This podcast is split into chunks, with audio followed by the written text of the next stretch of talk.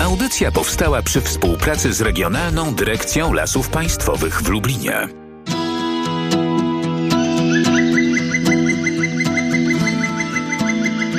Leśne wędrowanie. Ostatnie ostatnie październikowe, bo przecież już jutro będziemy zmieniać kartę kalendarza. Bardzo nietypowych, bardzo dziwnych, zupełnie innych od wielu, wielu lat okolicznościach. Ale dobrze i taką datę i takie doświadczenia przeżyć, zanotować i być może troszeczkę pochylić się nad tą przyrodą, która wokół nas. No bo kto jak nie las da nam właśnie w tym czasie ukojenie. Sprzed mikrofonu kłania się Magdalena Lipiec-Jaremek. Jak zawsze, jak w sobotę, witamy Państwa gorąco i serdecznie. Tym razem, razem z panem realizatorem Krzysztofem Mysiakiem, będziemy wędrować radiowo, troszeczkę tak oprowadzać Państwa po tych wyjątkowych miejscach jesiennych, bo las jesienią jest naprawdę wyjątkowo przepiękny i ja wiem, że są tacy, którzy ukochali tę porę roku, przede wszystkim po to, żeby sfotografować no te szczególne kolory jesieni. Jak to jest w tym roku z tą jesienią? Już e, te kolory są, już się przebarwiły, wybarwiły tak do końca? Jeszcze nie, jeszcze jest dużo zieleni, ale zaczyna się najpiękniejszy okres taki w przyrodzie, jeśli chodzi o roślinność, prawda? kiedy właśnie się przebarwiają. Więc na drzewach, na krzewach możemy z, zobaczyć całą paletę barw. Od ciemnej zieleni jeszcze, przez taką zieleń już podchodzącą pod żółć i oczywiście żółte, brązowe, czerwone. Fantastycznie fantastycznie na terenie Nadleśnictwa Józefów, ale nie mniej fantastycznie już teraz, już tak właśnie wygląda, jeśli chodzi o te przebarwiające się buczyny, chociażby na terenie Nadleśnictwa Tomaszów Lubelski. Mogą Państwo oczywiście podziwiać te wszystkie obrazy, obrazy fotografowane także ręką leśników, jak na przykład Karol Janczuk z Nadleśnictwa Tomaszów. Polecamy Państwu gorąco. Wszystkie fanpage Nadleśnictw, tam naprawdę naprawdę znajdą Państwo ukojenie, nawet jeżeli być może gdzieś troszeczkę za daleko do tego lasu teraz, żeby tam pojechać. Ale wiadomo, że na granicy października i listopada nie możemy ominąć jeszcze jednego ważnego tematu. Bo przecież e, praktykując to nasze leśne wędrowanie przez lata, doskonale wiemy, że gdzie okiem nie sięgnąć e, i gdzie ręką nie wskazać leśniczemu, e, po to, żeby zapytać, a tutaj co jest, co było, a tutaj co widać, a tutaj czemu bieli się taki krzyż, a tutaj taka oto mogiła gdzieś tam porośnięta mchem. Takie rzeczy przecież w lasach są prawie co krok. I to na każdym terenie, każdego nadleśnictwa, w całej Regionalnej Dyrekcji Lasów Państwowych w Lublinie. I to są te miejsca, które w lesie chyba szczególnie napawają nas refleksją. A na przykład tutaj, na terenie Nadleśnictwa Sobibór, to jest cmentarz żołnierzy poległych, żołnierzy austriackich poległych w I wojnie światowej. No to jest bardzo stare. Stare mogiły to też prawdopodobnie ktoś tam ze starszych ludzi pamiętał, że tu było coś takiego. Chyba zawsze tu jakiś krzyż stał, natomiast od jakiegoś tam czasu właśnie gmina Hańsk e, systematycznie tam odnawia ogrodzenie, także to jest już teraz wyraźnie widoczne, że jest to jakieś tam miejsce pamięci.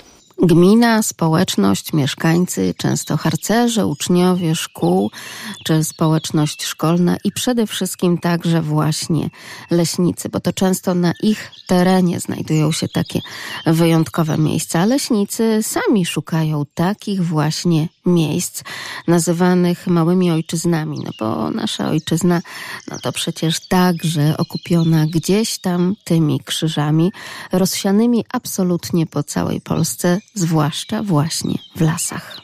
Ja uwielbiam coś, co się nazywa małe ojczyzny. Jak miałem czas być leśniczym i miałem czas y, zajmować, miałem po prostu więcej czasu wtedy leśnicy mieli. I z sąsiadem zajmowaliśmy się nie tylko tą typową leśną działalnością, ale zajmowaliśmy się również zachowaniem y, drobnych, drobnych rzeczy dla naszych dzieci, dla naszych wnuków po prostu.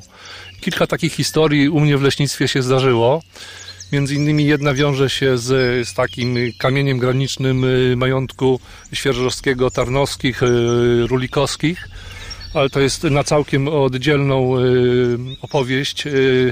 Czas i miejsce, natomiast y, zajmuję się również zwiedzaniem takich miejsc w Polsce, gdzie przeciętny turysta nie, nie trafia, bo jest to za mała atrakcja, za mało kosztuje parking i za mało kosztuje wejściówka, a dla mnie są to najbardziej fantastyczne miejsca na świecie. I między innymi jednym z takich miejsc, które warto odwiedzić, warto zobaczyć w życiu, to jest na Roztoczu Wschodnim, w okolicach Choryńca, zapomniana wieś, która zajmowała się przed I wojną światową, zajmowali się ludzie trudnili się kamieniarstwem. Obok tej wsi jest kamieniołom, jeszcze do dzisiaj czynny. Po tej wsi nie zostało już nic, został natomiast cmentarz, który dwa lata temu przez miejscowe nadleśnictwo został, został jakby przywrócony, rewitalizowany. Zostały usunięte krzaki, został przeżywiony drzewostan, który tam już się zdążył pojawić i zostały, zostały odsunięte te nagrobki. Nagrobki wyglądają w ten sposób, że to jest jeden typ. Z tego samego kamienia nie ma żadnego plastiku, nie ma żadnych jakichś takich chińskich, kolorowych zniczy i miejsce jest e, z rodzaju fantastycznych. Od razu powiem, że parking nie, nie, kosztuje nic, a wejściówka nie kosztuje nic. Nie ma żadnych turystów, a miejsce jest jedyne w swoim rodzaju i polecam, polecam takie miejsca po prostu, bo jest ich e, w, w okolicy bliższej da, i dalszej e, wiele. I tam też są cmentarze, oczywiście w tych właśnie miejscach, gdzieś tam porośniętych, zarośniętych krzakami i lasami. I tam też są krzyże, i tam też jest miejsce po to, żeby skłonić przy tym krzyżu głowę, po to, żeby troszeczkę pomyśleć, pomodlić się także za tych wszystkich, którzy być może właśnie pod tymi mogiłami spoczywają. Dziś będziemy Państwa oprowadzać po takich leśnych, wyjątkowych miejscach. Leśne wędrowanie z Radiem Lublin. lasmałparadio.lublin.pl Dopytują mnie Państwo o takie miejsca, gdzie gęstość zaludnienia jest bardzo, ale to bardzo mała, gdzie można po prostu zaszyć się w lesie na czas pandemii na przykład, no bo i tak większość nauki to nauka zdalna, większość pracy to praca zdalna. Czy znamy takie miejsca? Tak, drodzy Państwo, znamy, ale już totalnym zaskoczeniem było dla mnie to, co pokazał mi pan leśniczy Jacek Łasocha w leśnictwie Witków.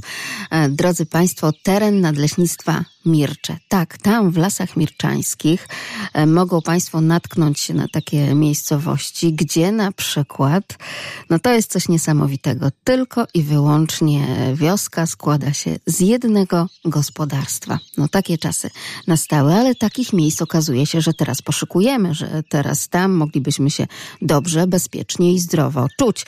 Tylko jeszcze, żeby być takim samowystarczalnym, czyli umieć przygotować wszystkie produkty gdzieś tam i do garnka i coś na siebie włożyć. No i proszę bardzo, możemy rzeczywiście wracać do tych czasów dawno, dawno, dawno minionych sprzed wieków. Tylko czy na pewno chcemy? No ale miejsce jest. Miejsce nazywa się Dąbrowa. Skąd taka nazwa? Czy Państwo mogą to skojarzyć, skoro wybieramy się do Dąbrowy?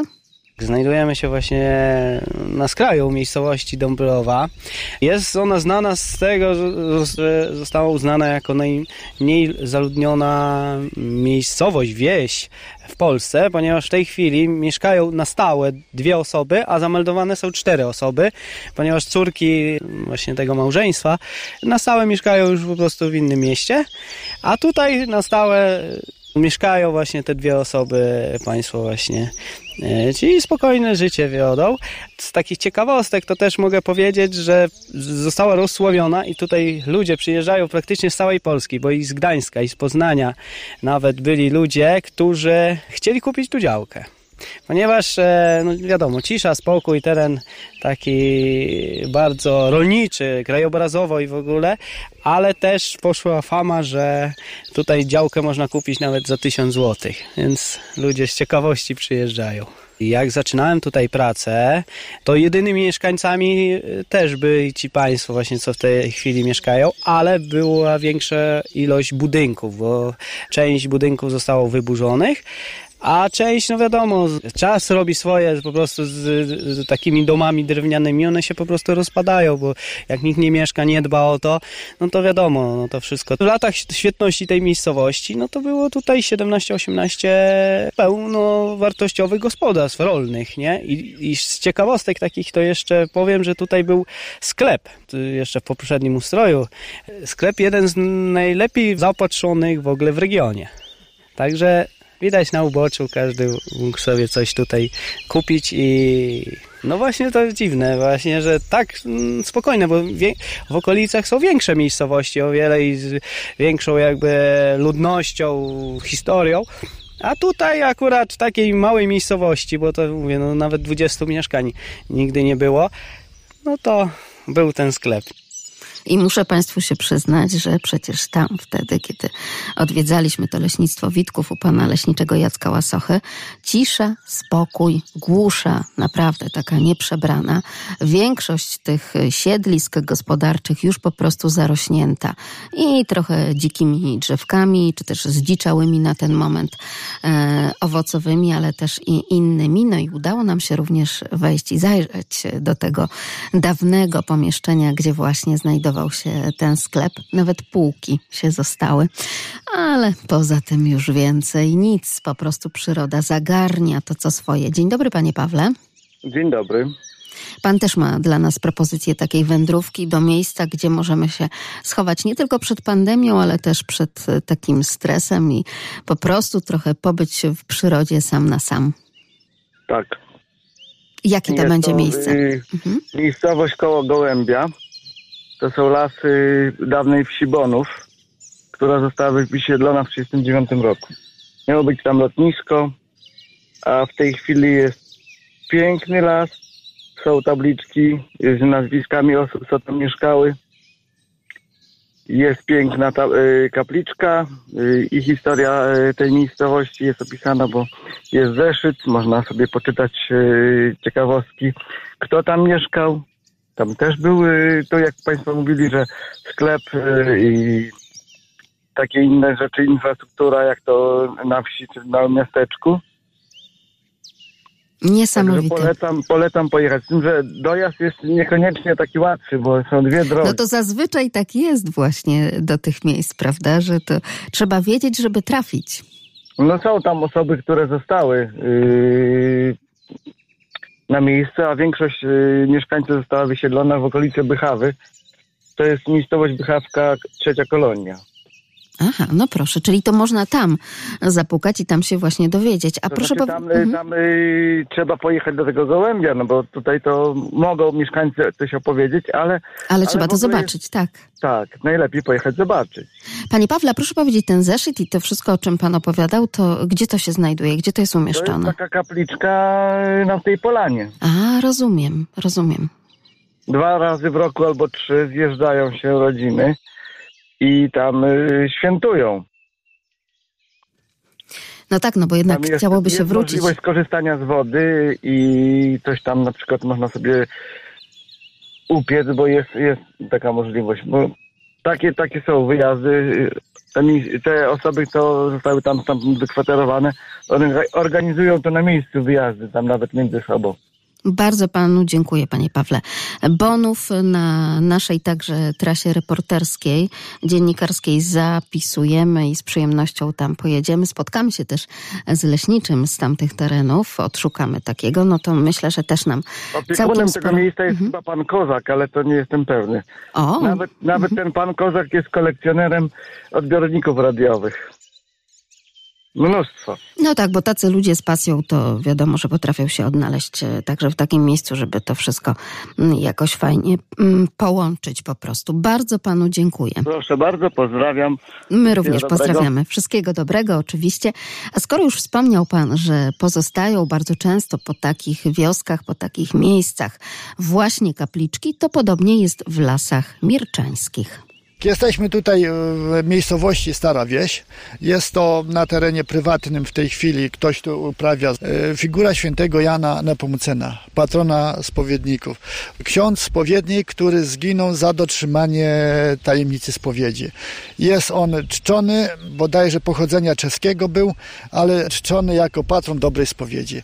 I tutaj mamy właśnie taką figurkę pochodzącą z XVII wieku, najprawdopodobniej uznaną jako pomnik, która jest e, bardzo często na folderach gminy Mircze. Charakterystyczna, tak jest. Tak jest, tak, właśnie charakterystyczna dla naszego obszaru. Ponad 50% to żyzne gleby, czarnoziemy leśno-stopowe, jak widać, grzeby pszenno-boraczane, ale teraz też i fasola i inne uprawy. Cukru mamy w nadmiarze. No proszę, wiadomo, że teraz to tylko i wyłącznie lasy i pola, pola i lasy.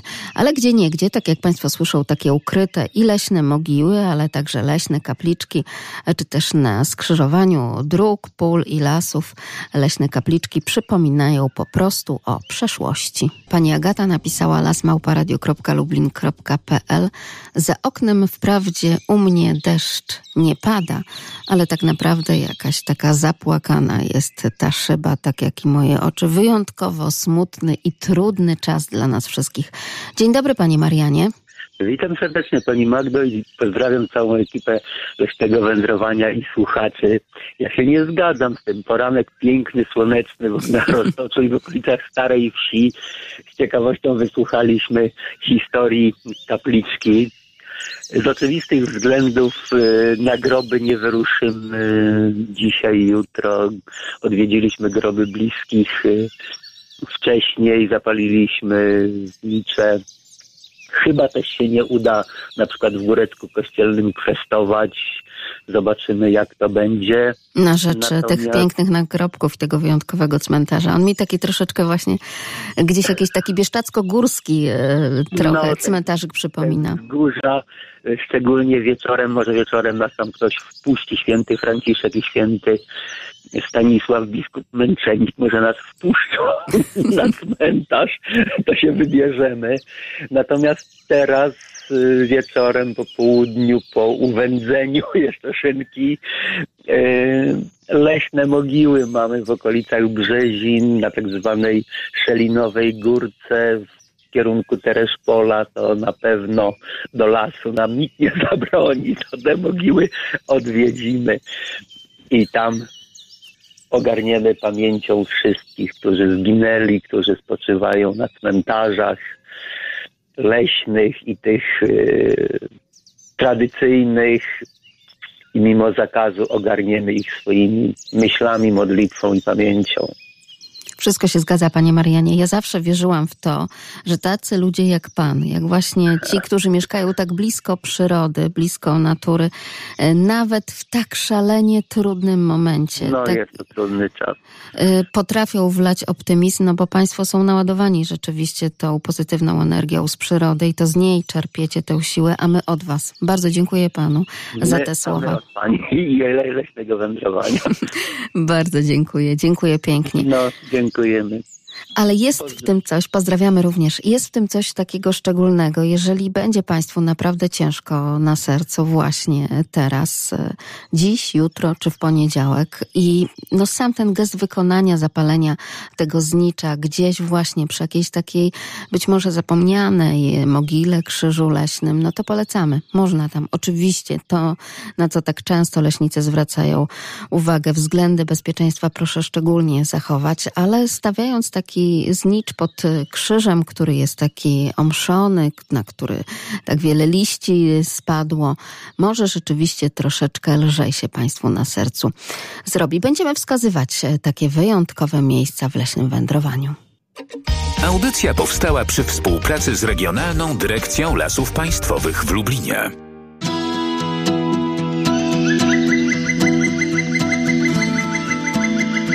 Leśne wędrowanie. Tak się składa, że ostatniego dnia października, tuż przed świętem Wszystkich Świętych, jakoś tak wędrujemy tymi ścieżkami leśnymi, gdzie są na przykład porośnięte mchem kamienne krzyże, czy też metalowe, gdzie i opadłe liście i gałęzie często na te drewniane, również brzozowe krzyże gdzieś tam spadły, czyli po prostu mogiły, miejsca pamięci leśne, ale też i miejsca, które no tak po prostu stały się też takimi miejscami pamięci, no bo kiedyś tam tętniło życie. Kiedyś tam były wioski. Odwiedzaliśmy w pierwszej godzinie chociażby w Lasach Mireckich teren nadleśnictwa Mircze, wieś Dąbrowa. Tak jest, sama nazwa od tych wyjątkowych dębów mireckich pochodzi. W tej chwili to mamy drzewostany z przewagą dęba i z relacji starszych ludzi. Kiedyś też tutaj były. Przez pewien czas były tutaj większej ilości topoli, ale to przez to, że stała się wtedy w latach 70., 80. moda na plantacje topolowe. Ale wieś nie topolowa, tylko właśnie Dąbrowa. Polecamy tę nazwę, jeśli uda się Państwu tam zajrzeć, to tak jak mówiliśmy, tylko i wyłącznie jedno małżeństwo, jedno tylko gospodarstwo na ten moment właśnie tam funkcjonuje. Rzeczywiście teren szalenie rozległy, dużo pól, mnóstwo łąk, ale i samych lasów dookoła. No troszkę tak e, prawdziwie puszczańsko jest tam właśnie, ale są też takie miejsca, tak jak wieś Bonów, o której opowiadał pan radiosłuchacz Paweł Paweł, mm, też warto tam zajrzeć. Mnóstwo takich miejsc, które gdzieś jeszcze pokazują, aha, tutaj widać na przykład y, jakąś starą jabłoń, tutaj jeszcze, proszę bardzo, dzikie maliny e, pojawiły się, po prostu zdziczały po tym miejscu, gdzie być może tutaj kiedyś był ogród, gdzie było gospodarstwo. I w lesie warto wyszukiwać takich y, miejsc, tak zwanych piecowisk, jak w lasach tomaszowskich, czyli gdzie jeszcze jakieś tam kamienne, e, między innymi murki, czy też e, kamienne e, właśnie piece pozostały i tylko po tym można się domyśleć, że tu kiedyś była wioska. Podobnie w lasach sobiborskich. Wyruszamy teraz na wyprawę z panem nadleśniczym Nadleśnictwa Sobibór. Jedziemy do miejscowości Osowa. Jest to bardzo stara miejscowość, która swoje y, początki ma opisane w literaturze chyba gdzieś w roku 1556, o ile dobrze pamiętam, pierwsze wzmianki jako wioska królewska, należąca do dóbr królewskich, a miejscowość, która ma no, bardzo taką bogatą historię, a można by było powiedzieć, że nawet burzliwą historię w dziejach Polski. Przejedziemy do tej wsi przez y, las. Nie będziemy jechali szosą, tylko pojedziemy taką leśną drogą, która kiedyś była głównym traktem do y, miejscowości Włodawa z Chełma. Jak jeszcze tej szosy nie było. I przy tej drodze, przy tym trakcie mm, leżała ukraińska wioska, która ma taką nazwę dosyć znajomo brzmiącą Irkuck ale to nie był ten Irkuck daleko, daleko na wschodzie, tylko to była wioska właśnie tutaj na naszych ziemiach, ale zamieszkiwali ją głównie właśnie, y, zamieszkiwają ludność y, religii prawosławnej, czyli narodowości y, ukraińskiej czy rosyjskiej. Po tej wiosce teraz no, nie ma ani śladu. Jedynym takim świadczącym o tym elementem jest y, taki pomnik, który, obok którego będziemy przyjeżdżać. Pomnik postawiony przez y, sołtysa tej wsi, um, upamiętniający swoją żonę, która no z tego co ja oczywiście to, to, to wyczytałem wszystko z literatury czy z internetu, która była wywieziona gdzieś tam właśnie do, na, na Syberię. Także to E, taka ciekawostka. Takich wiosek e, u nas przed wojną było dużo na terenie nadleśnictwa. E, Dalcz, Darczyn była taka wioska niedaleko Luty położona na terenie gminy Włodawa. Właśnie Irkuck. No i w ramach działań akcji Wisła zostały te wsie wyludnione, no i tak naprawdę przestały istnieć. Teraz w tym miejscu rośnie, rośnie las. Tylko las? Bądź też aż las. Nadleśniczy Nadleśnictwa Sobibór Dariusz Filipczak pokazał nam miejsce, gdzie kiedyś funkcjonowała wieś o nazwie Irkuck. Tak jest, w lasach sobiborskich można na taką historię się natknąć.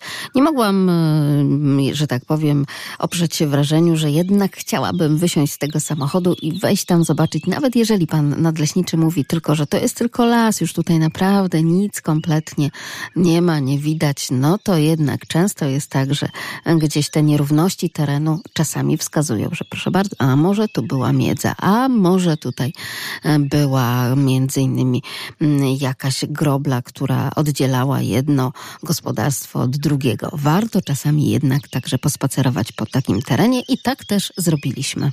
Teraz rzeczywiście można odnieść wrażenie, że ten upływ czasu, patrząc na te sosny, no to jednak kawał czasu, ale to, że były tam jakieś budynki, zabudowania, to mogą świadczyć te rosnące pod tymi wysokimi sosnami, okazałe, grube lipy, w podszycie dęby, jakieś drzewa owocowe, czereśnie, które tam e, rosną. To świadczy o tym, że tam po prostu działał człowiek i żył człowiek w tym miejscu. Nie znajdziemy tu, tam resztek chat. Są jakieś takie wykopy świadczące, że gdzieś jakieś mogło być ogrodzenie że jakaś studnia mogła być, jest zasypana, powiedzmy, jest zasypany dół. Także po tym można tam stwierdzić, że jeszcze jakieś elementy, nie wiem, stare elementy metalowe garnków, jakieś, no takie rzeczy można tam rzeczywiście spotkać, szczególnie z wykrywaczem metali na pewno. Przestrzegamy, że żeby mm, poszukiwać artefaktów w lesie, trzeba mieć zgodę jego zarządcy, a to regulują odpowiednie przepisy i regulamin, który jest dostępny na stronie internetowej Nadleśnictwa. To, że byli tutaj ludzie, że tutaj żyli, oprócz tego pomnika świadczy również pozostałość, w zasadzie no, fragment krzyża prawosławnego, no to świadczy, że tutaj y, żyły rodziny w wierze prawosławnej. Żyli wspólnie z innymi wyznawcami, no, z katolikami, z wyznawcami religii żydowskiej. No i jakoś to kiedyś było, funkcjonowało. Wszystko się łączy, a nam do tych czasów pozostały tylko i wyłącznie być może resztki tych krzyży, o których teraz rozmawiamy. No tak to jest, że pod każdym takim krzyżem kryje się po prostu niesamowita historia, często jakaś legenda i tajemnica miejsca. I tak też jest w tym przypadku. Wędrując po lesie, proszę zwracać uwagę na te krzyże. Może czasami nawet tak pod strukturą drewna udaje się gdzieś tam palcem wyszukać jakieś litery, czy też ich fragmenty fragmenty i może jakąś namiastkę wiedzy dzięki temu zdobyć. Poza krzyżami także warto przyglądać się pomnikom przyrody nieożywionej, jak chociażby na przykład wyjątkowym, dużym, potężnym kamieniom, które gdzieś tam u zbiegu dróg e, też się znajdują. One też świadczyły o tym, że tutaj po prostu na tym terenie, który jest teraz tylko i wyłącznie lasem, działał człowiek. Leśne wędrowanie z Radiem Lublin. Leśnicy szczególnie dbają, by w leśnych zaciszach pamięci wspominać żołnierzy wojen światowych, właścicieli tamtejszych majątków, gospodarzy terenów, a także wielu, wielu innych, na przykład mieszkańców tych już zapomnianych wiosek, którzy odeszli w tajemnicy. I tak oto leśniczowie na przykład odwiedzają miejsca pamięci chociażby innych leśników. Takie historie znamy, na przykład leśniczego, który został zamordowany przez złodziei drewna, czy też leśników po prostu walczących o wolną Polskę. Mnóstwo takich miejsc pamięci, mnóstwo także wyjątkowych kapliczek gdzieś na tym naszym leśnym szlaku. Jeszcze jednym z takich miejsc to już na terenie naszym jest kapliczka świętego Mikołaja, przy której pani zapewne była, tak? W leśnictwie Mirsza. Dobrze, to nie będę kolegą właził w paradę, ale wszyscy moi znajomi, którzy przyjeżdżają z Polski, nawet ze świata, ja ich ciągam po prostu tak, po takich miejscach, bo Wawel, Zamek Królewski w Warszawie to sobie mogą zobaczyć w każdej chwili, o każdym czasie i sami ja im do tego jestem niepotrzebny. Natomiast miejsca takie właśnie jak kapliczka świętego Mikołaja, gdzie wydawałoby się, że ludzie modlą się do świętego Mikołaja, nie? A jednak nie. Wszyscy chrześcijanie modlą się do posągu kamiennego wilka. A jeszcze y, na pewno nie wszyscy wiedzą, bo ja byłem tam jeszcze w okresie wtedy, kiedy ludzie zostawiali pod tym kamiennym wilkiem, zostawiali kartki. I ja widziałem z modlitwami. Ja tam na przykład widziałem kartki, żeby tatuś nie bił mamusi. Tak? Albo żeby tatuś wracał do domu trzeźwy. Tego typu kartki. Nie pod świętym Mikołajem, tylko pod tym, pod tym wilkiem. Tak to wygląda na wschodzie naszego kraju, w powiecie chrubieszowskim, we wsi Krył, w miejscu zwanym Wilczym Uroczyskiem. Jest źródełko, kapliczka. Źródełko ma cudowną moc, a kapliczka chroni figury świętego Mikołaja i wilka. No, wyjątkowa historia, bo ludzie opowiadają, że w dawnych, dawnych, pogańskich czasach na Wilczym Uroczysku składano ofiary słowiańskiemu Bogu umarłych. No i on był utożsamiany z wilkiem. Ale był też bóstwem opiekującym się bydłem. Gdy Polska przyjęła chrzest, zmienił się w świętego Mikołaja z Miry, patrona pasterzy i bydła. Nie, nie, to nie jest ten święty Mikołaj, który dosłownie za miesiąc i troszkę będzie podkładał prezenty pod poduszkę wszystkim grzecznym dzieciom. Nie, to zupełnie inna historia. A ponieważ znamy także leśniczego, tym razem e, komendanta posterunku Straży Miejskiej e, Leśnej, oczywiście w nadleśnictwie. Tym razem, drodzy Państwo, które to teraz omawiamy, czyli Mireckie Lasy, ale też taki człowiek, który ukochał to miejsce, bo to miejsce jego dzieciństwa, więc sam stworzył nawet na potrzeby artystycznego wyrazu rzeźby kapliczki świętego Mikołaja, ponieważ no jakoś tak ciągnie go do tych legend i do tych właśnie historii, a przy okazji też i do pracy w samym drewnie. Więc oczywiście ten leśnik z pasją potrafi opowiadać o tym miejscu i co więcej przypomina, że warto także na własnym szlaku także e, między innymi takie miejsca odwiedzać i co nieco poznawać tej właśnie historii o świętym Mikołaju i Wilku. A święty Mikołaj to już jest, y, to jest zupełnie zupełnie inna y, historia. To jest związana bardziej już tak osobiście ze mną i, z miejscem, z którego pochodzę. Święty Mikołaj stoi na tak zwanym Miłowym Wzgórzu w kolonii Kryłów, to jest gmina Mircze. To jest niedaleko y, miejscowości i właściwie y, domu, w którym ja się urodziłem, w którym mieszkałem za, za młodych lat, w którym chodziłem koło tego świętego Mikołaja do szkoły, codziennie do szkoły podstawowej. I tam jest y, no, cała historia y, tego świętego Mikołaja i tego wilka, bo to trzeba powiedzieć, że tam jest jeszcze przy tym wilki, jest jeszcze cudowne źródełko. To jest y, na tym wzgórzu stoi Mikołaj, obok jest wilk i pod spodem płynie źródło. Do tego źródła przychodzili od dawna ludzie chorzy, którzy mieli jakieś tam nie, niedomagania typu chore nogi, kręgosłupy i tak dalej. Wystarczyło się tam w tej wodzie umyć i prawdopodobnie jakieś tam poprawa zdrowia była, z tego co opowiadali tam starsi ludzie, a tego co piszą kroniki, no to rzeczywiście mm, tak to działało. No jeszcze była ta historia z wilkiem, y, że jak kobieta nie mogła zajść ciążę, to musiała tam do tego wilka pójść, siąść na tym wilku i, i dopiero później umyć się w wodzie i wtedy prawdopodobnie działało to skutecznie. I, i, I, tak to o tym opowiadano. A święty Mikołaj został wybudowany, postawiony, tam nie wiadomo kto go wyrzeźbił, ale został na wniosek pewnego właściciela ziemskiego, który, który tamtędy przejeżdżał, którego tam wilki zaatakowały właśnie i on na, y, zosta, uratował się właśnie z tego, z tego ataku wilków i, i, i wtedy postanowił, że na tą pamiątkę postawi tam figurę tego świętego Mikołaja. Ona w tej chwili, byłem kilka dni temu, jest ładnie odrestaurowana. Ładnie y, wszystko zostało odbudowane. Można tam pojechać, zresztą tam jest zawsze bardzo dużo ludzi. Nabierają wodę, woda jest jakaś, y, ma walory takie, że na niektóre rzeczy działa uzdrawiająco. W związku z tym, no już mogę tylko powiedzieć, że zapraszam. Kolonia Kryłów, Święty Mikołaj, Miłowe Wzgórze.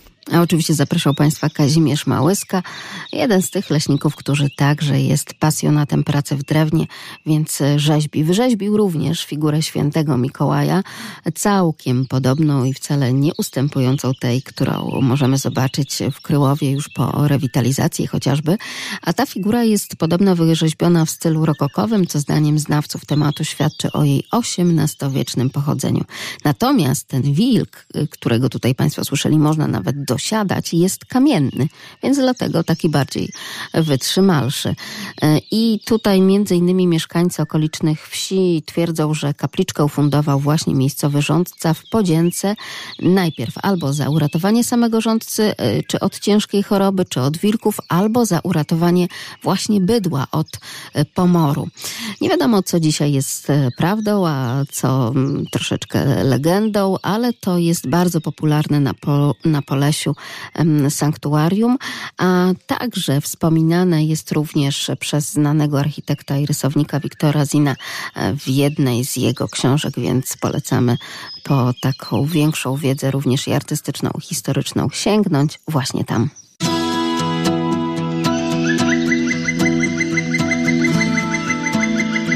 Leśne wędrowanie.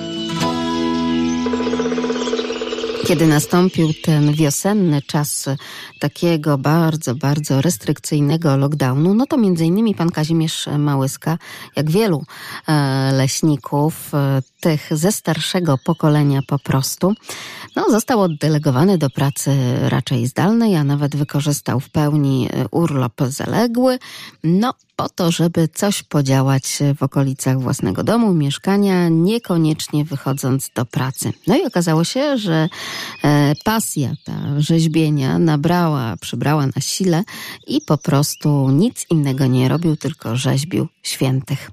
Tak to wyglądało w czasie tej pierwszej fali lockdownu wiosennej. No i wtedy, kiedy odwiedziłam już latem pana Kazimierza Małyskę, no to tych figur przybyło, że ho, ho. To chyba było tak, że nie wiem, na dwa dni jedna wyjątkowa figura. Jak rozpoczęła się ta miłość do drewna, nie tylko do lasu, który rośnie, który trzeba pielęgnować, którego trzeba doglądać, ale właśnie już do tego kawałka drewna, z którego podobno no, trzeba na początek wybrać to, co niepotrzebne i zostawić tylko i wyłącznie to, co tam jest zaklęte, jakąś szczególną rzeźbę. No i takich, o takich początkach w ogóle, kiedy narodziła się ta pasja rzeźbienia i miłości do drewna, teraz pan Kazimierz Małyska, komendant posterunku Straży Leśnej z terenu Nadleśnictwa Strzelcy nam teraz opowie. O, pytanie, pytanie, historia. Ja powiem tak, mój dziadek miał warsztat. Warsztat to, to dzisiaj można by powiedzieć inaczej rozumiany. Warsztat to było takie urządzenie, taki stół z takimi śrubami, który, który stał w majsterni, która była zawsze zamknięta na kłódkę, żebyśmy tam jako, jako chłopcy czy nie, nie wchodzili i tam nie, nie broili, ale to było takie miejsce takie ciekawe. No tam trzeba było pójść i tam coś trzeba było wziąć, tej kawałek tego drewna i coś wyrzeźbić. To były jakbyś takie pierwsze początki. A ponieważ y, to wszystko jakby przejmował, przejmował trochę mój tata, który też był cieślą, y, takim naprawdę prawie że zawodowym, bo, bo budował te, te dachy i domy na wsi to znowu miałem tą kontynuację i ten warsztat znowu przeszedł do taty, a później na mnie. Ja go mam do dzisiaj, ten warsztat ma 100 y, lat ja go użytkuję w dalszym ciągu. I jak sobie tak mm, pomyślę, e, od kiedy ja zacząłem rzeźbić, to powiem, że nie wiem. Bo kiedyś spotkałem znajomego i pytał mi się, co robisz. Ja mówię, no, no wiesz, tam w wolnym czasie to trochę rzeźbię w drewnie, tam jakieś takie mówi, a ty wiesz, że ja mam od ciebie rzeźbę? Tak byłem zaskoczony, że skąd może mieć ode mnie rzeźbę. Mówi, że kiedyś, kilka lat wcześniej byliśmy w lesie, mówi, zbieraliśmy grzyby i mówi, usiadłeś sobie tam na, na jakimś e, pniaczku, mówi, znalazłeś kawałek kory, mówi, i wyrzeźbiłeś, mówi, jakąś taką postać, mówi, i ja ją mam. I on mi ją przyniósł. To się okazuje, że ja nawet podświadomie kiedyś już takie, takie miałem jakby e, ciągoty, bo scyzoryk w kieszeni u leśnika jest zawsze a ponieważ y, bezczynnie to nie lubiłem siedzieć, to widocznie taki był efekt wtedy. Taki to był efekt, no i takie efekty są po dziś dzień, ale co tak naprawdę no, ciągnie do tego kawałka drewna? Czy to struktura, czy to, że po tym wygładzeniu rzeczywiście no, można y, niemalże jak po aksamicie przeciągnąć palcem, bo takie rzeźby też przecież się zdarzają. Co takiego jest w tym drewnie? A przede wszystkim to zaskoczę. Przede wszystkim to ono fantastycznie pachnie. Jak się robi przy lipie, no, no tego się nie da inaczej. To, to jest zapach lipy. Nie wiem, może ja w tym względzie jestem jakiś szczególny, ale, ale myślę, że to pewnie ci, co robią w lipie, to pewnie też mają takie uczucie. Ona ma taki specyficzny, nie wiem, może miodowy zapach, takim, że jak się ją obrabia, to, to ona tak y, fantastycznie y, pachnie. Ale y, poza tym, jeśli jako drewno, prawda, y, że, że poddaje się łatwo y, do, do dłuta, że, że nie pęka, że nie łupie się, nie, nie, nic tam się nie, nie obłamie niepotrzebnie. Jeżeli człowiek popełni jakiś tam drobny ruch, to nie jest tak jak w dębie czy w jakimś innym, że natychmiast od razu pęknie i słońce czy temperatura powoduje, że akurat wszystko y, od razu y, się rozsycha i, pęka. W Lipie aż tak tego nie ma, dlatego pewnie większość ludzi, większość takich rzeźbiarzy to się w Lipie właśnie lubuje pewnie od wieków, bo, bo wiemy, że, że ołtarz Wita Stwosza to też prawdopodobnie z lipy jest zrobiony i tyle przetrwał. A co najważniejsze, no tym scyzorykiem, który zazwyczaj, tak jak powiedział pan Kazimierz Małyska-Leśnik, ma w kieszeni, no też się tak odłupuje kawałek po kawałku i wtedy powstaje postać. No tak, y, no jak się zaczyna rzeźbi, to trzeba wiedzieć, co ja chcę zobaczyć w środku tej rzeźby. Wiadomo, że jak się zaczyna mm, rzeźbić, to pierwsze to są te elementy, które są najbardziej odstające, no, jeśli mówię o osobach, to od ciała, więc w związku z tym, jeśli to jest ręka wystawiona, to trzeba od niej zacząć, prawda? Bo dopiero później w środku, gdzieś tam w sednie tego wszystkiego jest dalsza część. I, i to jest jakby najtrudniejsze, bo, bo, bo tego materiału musi wystarczyć na to, żeby to wszystko się zmieściło i, i, i, i tak to się to mniej więcej robi. No, są jeszcze takie, takie rzeźby, które aku- akurat są takie, takie prostsze, że, że tam nic, nic yy, osoba w ręku nie trzyma albo nie ma takich wystających elementów, to wtedy je się jakoś łatwiej, łatwiej rzeźbi. No ale, no, ale to jest takie, takie wezwanie, no coraz to trzeba robić coś takiego, co by, co by, co by było trudniejsze i, i ładniejsze. W związku z tym tak ja myślę, że jakby ktoś popatrzył na te moje rzeźby pierwsze, które powstawały 25 lat temu i to, to co dzisiaj, to, to jest ta różnica w tym widać. Ja ją widzę i, i tą różnicę już widać, że, yy, że te rzeźby już są po prostu inne, no jednak, jednak lata doświadczenia powodują to, że, że, że, że człowiek się jednak rozwija, jakby nie patrzeć. A zwłaszcza, że takie czasy przestoju od pracy zawodowej też do tego skłaniają, żeby jednak e, skupić się gdzieś tam we własnym warsztacie, tak jak robi to pan Kazimierz Małyska, komendant posterunku Straży Leśnej z terenu Nadleśnictwa Strzelce i tam po prostu sobie w ciszy i skupieniu popracować. Owocnego dłubania w tym drewnie życzymy. A ludzi więcej niż grzybów w lesie. I jak to jest, że wszyscy z tego lasu ciągle z pełnymi koszami wychodzą? Zastanawia się pan Piotr Lasmałpa, radio.lublin.pl. Takie zdjęcia to ja naprawdę lubię. Oj, lubię. Gdyby w mailach można było stawiać kciuk do góry, to oczywiście taki kciuk już jest postawiony wysoko. Tak to w lesie teraz wygląda. Panie Andrzeju, dzień dobry. Dzień dobry, panie redaktor. Witam słuchaczy. Panie redaktor, ja tylko króciutko chciałem nawiązać, bo mm, uskutecznialiśmy wędrówki po Kryłowie i okolicach. No wiadomo, że tutaj kaplicy Mikołajowej i Wilka też doszliśmy, ale sam Kryłów jest bardzo ładny, taki neogotycki kościół, który no, mm, swoją jedną część opiera o taką płaszczyznę, rozlewisko Bugu, a Bóg potrafi się tam rozlać to w potężny sposób. No zresztą widzieliśmy właśnie moment tego rozlewu, no to to jest dosłownie jezioro. I teraz do czego zmierzam, że mm, Bóg niestety zaatakował fundamenty tego kościoła.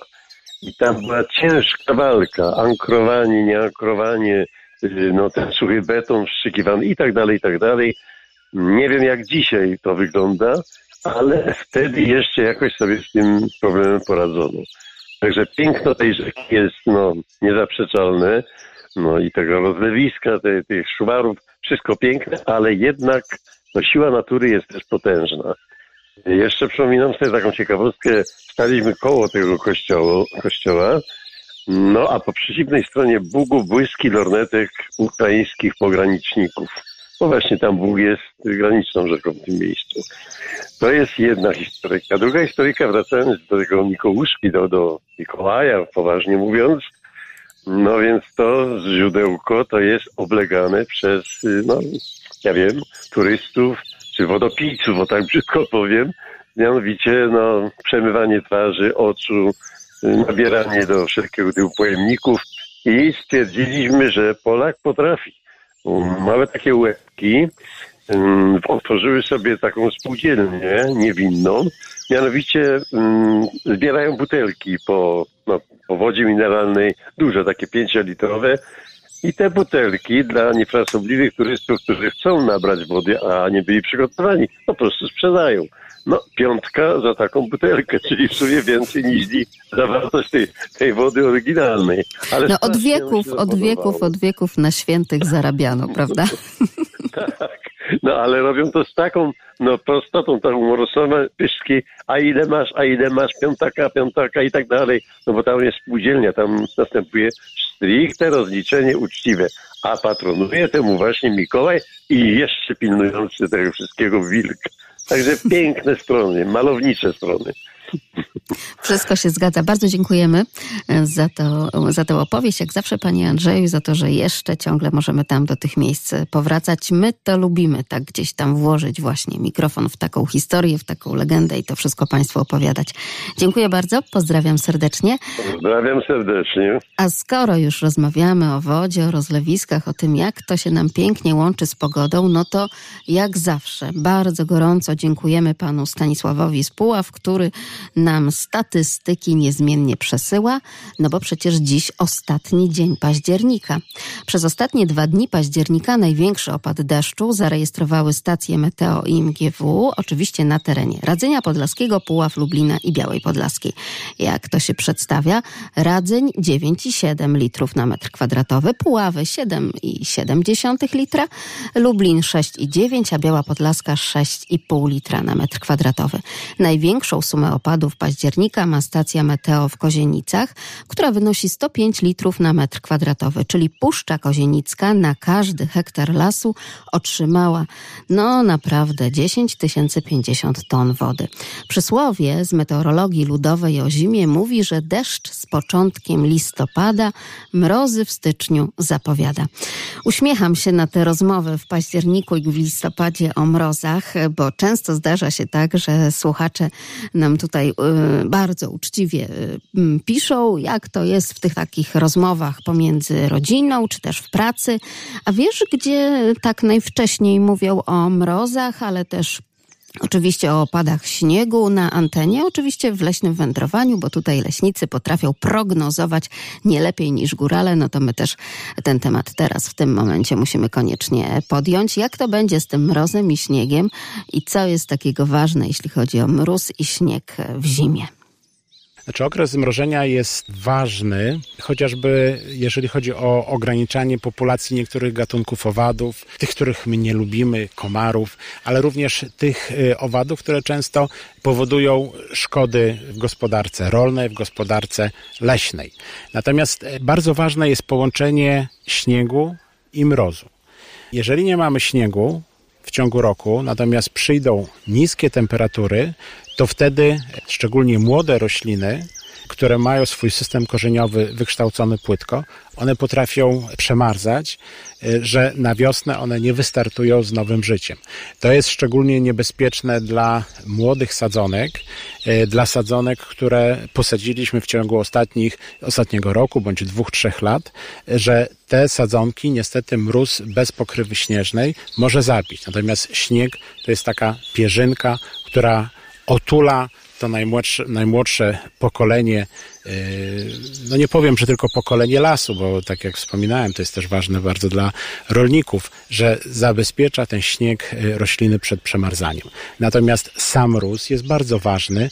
Yy, patrzę tutaj z punktu widzenia ochrony lasu, że są ograniczane jest ograniczona liczebność y, niektórych gatunków owadów. Natomiast my w ostatnim czasie właśnie borykamy się z różnymi szkodnikami y, owadzimi, które atakują drzewa y, chociażby właśnie ze względu na te warunki atmosferyczne, że one są bardzo sprzyjające dla tych owadów do rozwoju. Oczywiście, jak to będzie podczas tegorocznej zimy, czy pojawi się śnieg, czy pojawi się mróz, będziemy to wszystko weryfikować. Zastępca nadleśniczego nadleśnictwa Lubartów, pan Leszek Gajusz, razem z nami był i nam o tym opowiadał. Oczywiście do tej tematyki pogotowej niezmiennie będziemy w leśnym wędrowaniu powracać, a jeszcze tak na pożegnanie, na podniesienie Państwa troszeczkę na duchu, powiemy, że trzeba w ten las tak naprawdę rzeczywiście całym sercem wejść. Nie tylko nogą, nie tylko lewą, prawą, ale po prostu pokochać go całym sercem i być może on nam troszeczkę też, tak jak i ta nasza kojąca natura, odpłaci się tym, że no, te nerwy skołatane, ale też i kwestie zdrowotności, jeśli chodzi o pandemię, zostaną podniesione.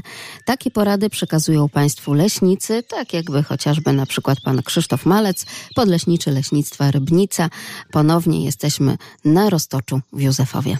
Lubi zbierać korzenie czy gałęzi, nawet z takich starych drzew, jak tutaj na Sutaczu, bo to jest staro drzew e, sosnowy, no w normalnym gospodarczym lesie już takich sosen nie ma, prawda? To jest drzewostan zachowawczy, więc tutaj e, stoją i one są fantazyjnie powykręcane, naprawdę fantazyjnie.